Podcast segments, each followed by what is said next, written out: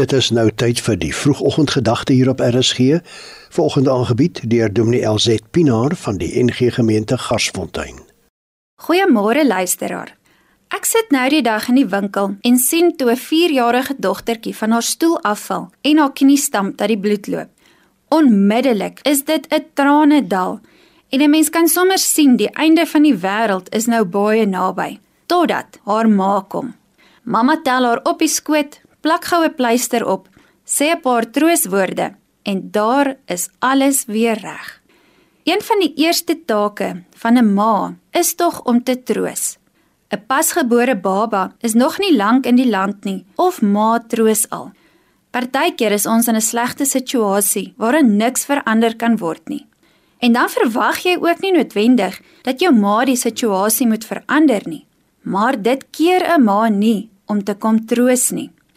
Die meeste kleintjies wat hulle knieë oopval, hardloop onmiddellik na ma toe. Ek dink nie dit is so seer die pleister wat help nie, maar eerder mamma se trooswoorde, haar drukkie wat sy gee, haar teenwoordigheid. In Jesaja 66 vers 13 praat God met die volk Israel en sê hy: Soos iemand wat deur sy moeder getroos word, so sal ek julle troos. Israel was hier in 'n tyd waar hulle baie vertroosting nodig gehad het. 'n tyd waarin alles sleg gegaan het. 'n Tyd nadat hulle weggevoer is as ballinge, 'n tyd waarin van hulle begin terugkom het en die hele wêreld was de mekaar. Niks was soos hulle dit verwag het nie. Dit gaan sleg. Hulle is moedeloos. Miskien is jy ook in so 'n tyd in jou lewe.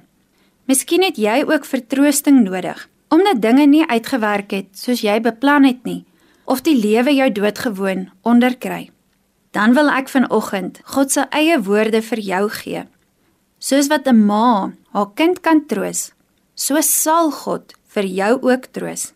Gaan sit op sy skoot, voel hoe sy arms om jou vou en mag jy werklik God se allerwonderlike troos ervaar.